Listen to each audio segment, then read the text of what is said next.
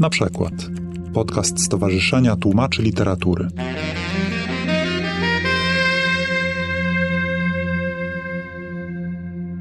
Katarzyna Marczewska, tłumaczę z francuskiego i chciałabym Wam opowiedzieć o mojej przygodzie z początkiem mojego tłumaczenia powieści, bo przez dosyć długi czas byłam głównie tłumaczką literatury naukowej, eseistyki. To bardzo było bliskie literaturze pięknej, ale to nie była fikcja. Natomiast dostałam do tłumaczenia książkę Oliwiera Bourdeau i ponieważ nie była długa, ja miałam niedosyt przekładów, to przyjęłam ten przekład i zaczęłam go tłumaczyć.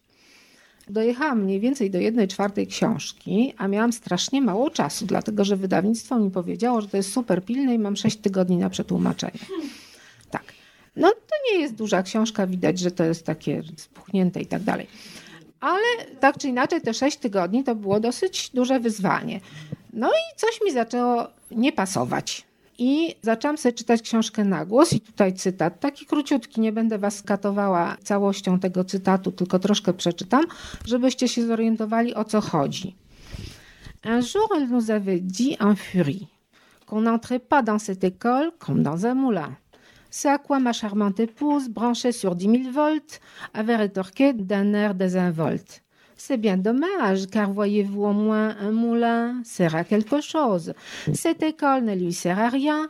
On lui lit des bibliothèques roses, on n'apprend pas grand-chose, alors qu'avec nous, la nuit, il entend de la belle prose, il disserte des nouveautés littéraires avec des libraires, il discute des choses du monde avec des diplomates, il est chasseur, des galinettes pompettes, avec son ami le sénateur i tak dalej, tak dalej.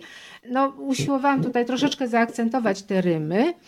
Miejscami to jest bardzo rymowane, miejscami jest bardzo rytmiczne, ten rytm się zmienia. No i bardzo się zmartwiłam w tym momencie, bo sobie pomyślałam, że cała moja ta jedna czwarta to właściwie jest do wywalenia. Niestety. Nie zachowałam tej pierwszej wersji, bo nadpisałam na nią drugą wersję. Nie, nie, poczekajcie, poczekajcie. Tej pierwszej wersji nie zachowałam, więc na użytek tego spotkania dzisiejszego po prostu zrobiłam wam przykład, żebyście wiedzieli o co chodzi. Taki prawie, że filologiczny. Pewnego dnia powiedziałam nam z furią, że do szkoły nie wchodzi się jak do młyna. Na to moja urocza małżonka podłączona napięcia 10 tysięcy V odparowała lekceważącym tonem. To wielka szkoda, bo widzi pani młyn przynajmniej do czegoś służy, a ta szkoła nie jest mu do niczego potrzebna. Czytają mu książki z różowej biblioteczki, niewiele się tu nauczy, za to w domu słyszy w nocy piękną prozę, rozprawia z księgarzami o nowościach literackich, dyskutuje o sprawach światowej wagi z dyplomatami, poluje ze swoim przyjacielem senatorem na kurki na bani, Rozmawia o polityce fiskalnej, o międzynarodowej finansjerze z bankierami światowej klasy. Zaleca się do plebejuszek i do nienagannie podbitych markis. To jest dosłowny przekład. A pani nam to opowiada o stosowaniu się do wyznaczonych godzin i tak dalej, i tak dalej. No jak się zorientowałam, że nie o to tutaj chodzi w tej książce, to sobie pomyślałam, że no, to jest z jednej strony ciężkie wyzwanie, no bo raz wróbelek, elemelek znalazł mały kartofelek i to mniej więcej jest to, bo tutaj mamy prozę, która no nie jest zupełnie wierszowana, ale jest taka rytmiczna i troszkę rymowana. A jest to książka, która nie jest y, jakąś strasznie poważną prozą. Jest to taka, powiedziałabym, zabawa i błahostka, chociaż dosyć ma dramatyczne zakończenie. I moje dylematy, czy to mają być markizy, czy nie, w tym momencie odpłynęły zupełnie. No bo doszłam do wniosku, że właśnie to absolutnie nie jest ważne, czy to będzie markiza, czy nie. I czy, czy będzie nienagannie podbita. No więc od tego momentu zaczęłam tłumaczyć ze straszliwym mozołem, tak jak uważałam, że moje tłumackie sumienie mi nakazuje. Najpierw zadzwoniłam do wydawnictwa oczywiście i zapytałam ich, czy oni wiedzą. A oni powiedzieli, że oni nie wiedzą. na co podpisali umowę, że nie mają zielonego pojęcia. Zaczęłam szukać w internecie. Okazało się, że nie wszyscy czytelnicy się zorientowali. Ale cała książka jest taka? Cała książka jest taka w różnym stopniu, miejscami bardziej, miejscami mniej. No, nie było wyjścia. Doszłam do wniosku, że jednak podejmę wyzwanie. Dojechałam do samego końca, potem zaczęłam od początku. Przeczytam wam, co ja z tego zrobiłam. To znaczy, to nie jest tak zupełnie rymowane i rytmiczne, ale trochę.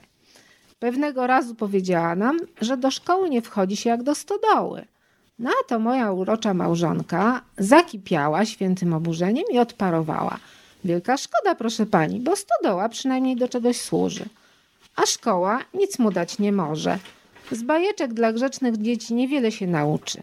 Za to u siebie w domu słyszy nocą piękną prozę, dyskutuje z księgomarzami o kolacjach z noblistami, rozprawia przy kolacji o światowej dyplomacji, ze swoim przyjacielem senatorem poluje na sikorki, z bankierami światowej klasy rozmawia o deficycie państwowej kasy, zaleca się do pięknych szlachcianek i do wytwornych Rzymianek, a pani nam tu opowiada o punktualności. Czego pani właściwie chce, żeby został urzędnikiem? Mój syn to uczony nocny ptak. Już trzy razy przeczytał encyklopedię na wspak. A pani chce z niego zrobić mewę z pozlepianymi ropą piórami, utopić w czarnej plamie nudy. No i, i tak dalej, i tak dalej. Więc tam miejscami jest bardziej, miejscami mniej. Ale to jeszcze nie koniec tej historii. Mianowicie ślubowałam, że już nigdy w życiu nie wezmę żadnej książki, zanim jej dokładnie nie obejrzę, nie zapoznam się i tak dalej, i tak dalej. Tymczasem rok później dostałam propozycję przetłumaczenia książki. No, dosyć szybko. Wynegocjowałam dłuższy termin, ale jak zaczęłam tak przeglądać, stwierdziłam, nie, no to nie ma jakichś specjalnych takich długaśnych okresów zdaniowych, piętrowo złożonych zdań jak u Prusta. Są to raczej krótkie zdania, pojedyncze. I w dodatku wydawnictwo literackie, no myślę sobie, no jak mi proponują, to grzech byłoby odmówić. I zaczęłam tłumaczyć książkę. No i tłumaczę, nie, przejrzałam, przerzuciłam. Zaczęłam tłumaczyć, tłumaczę sobie, tłumaczę i tak mi to, no po prostu, no coś strasznego, no. Te krótkie zdania, no taki gniot mi wychodzi, że już w ogóle, no, czarna rozpacz. Tym razem dojechałam, już nie pamiętam do której strony. Też chyba 40 stron zrobiłam tego i właśnie coś mnie tknęło i znowu zaczęłam to sobie czytać głośno. I się okazało, że sytuacja jest dokładnie taka sama. to znaczy, książka jest napisana prozą rytmiczną. Rymy we francuskim dosyć łatwo robić, bo są rymy na e i na en.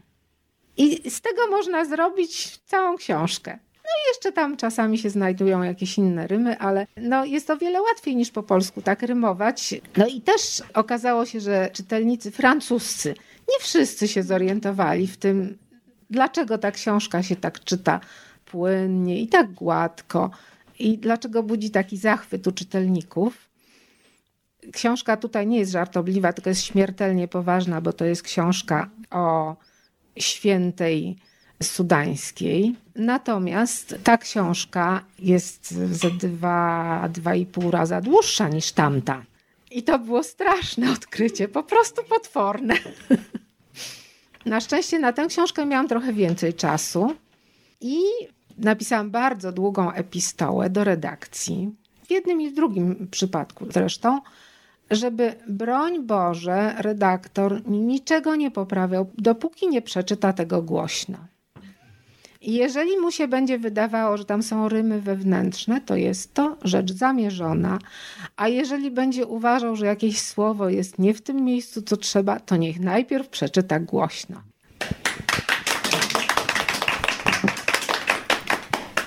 Ja mogę powiedzieć, że może nie z literatury francuskiej, ale takie rzeczy też się zdarzają, bo na przykład ostatnio opublikowana powieść Andrea Simana Osiem Białych Nocy, którą tłumaczyła na polski moja dobra koleżanka Agnieszka Walulik, bardzo starannie zresztą i ze świadomością dużą tego aspektu. Też właśnie, mimo że to jest powieść dość potężna, bo ona chyba sobie liczy tam 17 arkuszy, więc to jest prawie dwa razy tyle, co taka zwykła komercyjna powieść, co wychodzi na polskim rynku.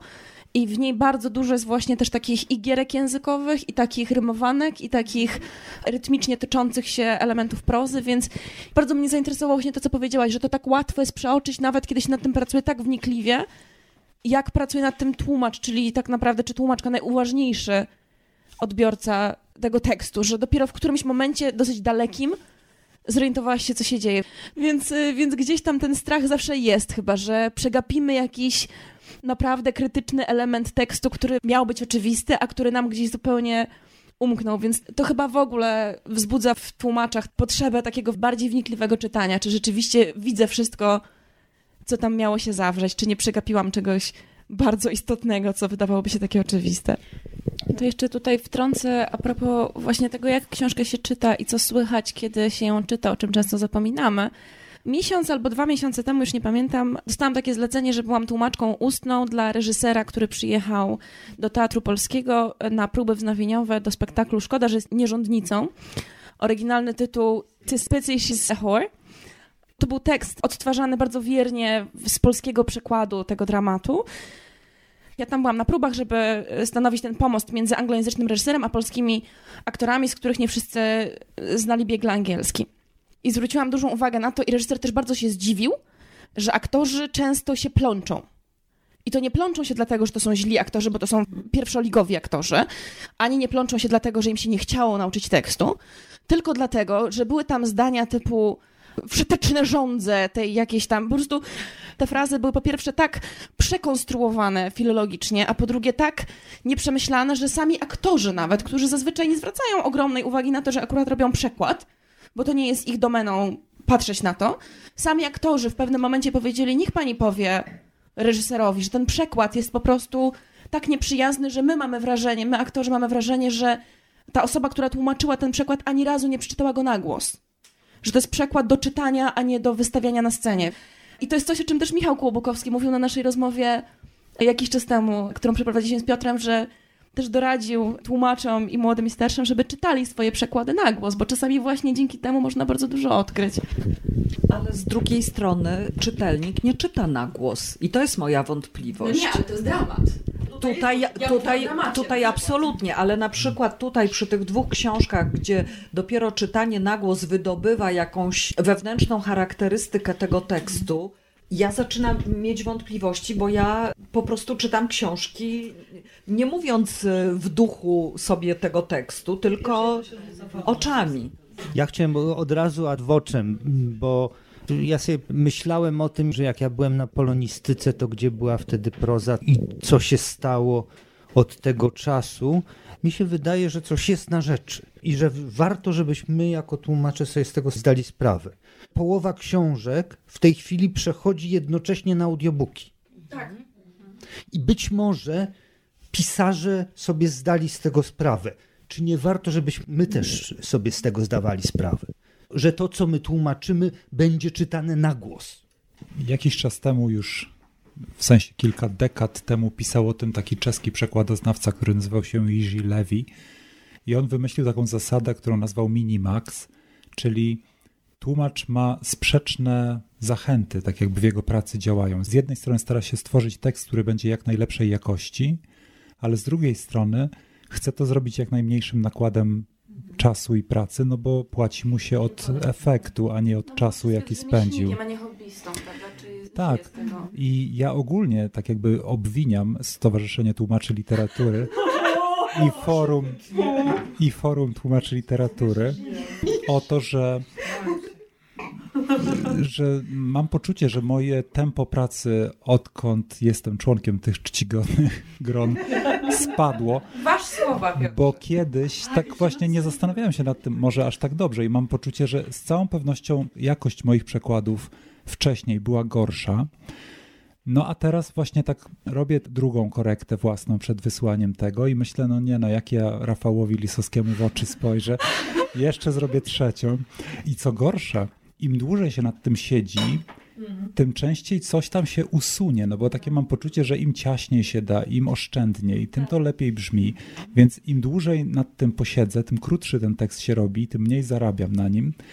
I tutaj patrzyłem na to, jak Irena właśnie, która pamiętam z naszego poradnika dla początkujących tłumaczy, że dla mnie wsławiłaś się tym, że przeczytałaś 100 powieści Szandora Marajego i to poczytywałaś sobie jako pewną tam konkurencyjną przewagę. No to teraz właśnie widziałem, jak y, tak zmartwiłaś się, że teraz jeszcze na głos chcesz je przeczytać wszystkie i dopiero będziesz miała poczucie, że wszystko jest ok. Więc gdzieś tutaj też jest jakaś taka granica bólu, no bo czy my mamy wstąpić do zakonu tłumaczy i teraz już po prostu zabić się dla tego tekstu, nie? nie? Ja chciałam tylko zwrócić uwagę na to, że być może dojdziemy do etapu, kiedy będą powstawać dwa przekłady. Jeden będzie dla wydrukowanej książki, i drugi taki, który jest czytany, bo tu przypomniało mi się, znowu powiem o Twardochu, jak Sztur opowiadał, jak czyta. Tak. Prawda, że jest coś takiego, że jak się czyta, to ten tekst inaczej pracuje. Tak. Ja zresztą słuchałam kilku książek. E, w jego wykonaniu. Tak. Aha, no właśnie. Więc zaczynam się zastanawiać, czy to gdzieś w pewnym momencie nie zrobią się jakby dwa odrębne dzieła. Tak jak jest dramat wydany w książce, prawda? I to jest osobne dzieło. Później on się pokazuje na scenie i chociaż jest to ten sam tekst, to jest inne jednak dzieło. I być może tak samo będzie z naszymi książkami, że będziemy robić jeden przekład do druku i później będziemy sobie czytać na głos, czy ktoś będzie czytał na głos i będzie taka możliwość, żeby wtedy poprawiać. To nie jest aż taka egzotyczna możliwość o tyle, że przecież na przykład jak robimy przekład do dubbingu albo przekład do napisu w filmie, to one są różne, dlatego że staramy się dopasować odpowiednio albo do długości linijki na ekranie, albo do układu ust osoby, którą widać na ekranie i nie może być tak, że tak, mamy też trzecią opcję lektora, jak tutaj zaznacza Agata. No, więc w pewnym sensie tak. No, myślę, że trzeba zacząć rozmawiać o negocjacji stawek w takim przypadku. Teraz musimy dostawać podwójne stawki. Wysłuchali Państwo na przykład podcastu Stowarzyszenia Tłumaczy Literatury.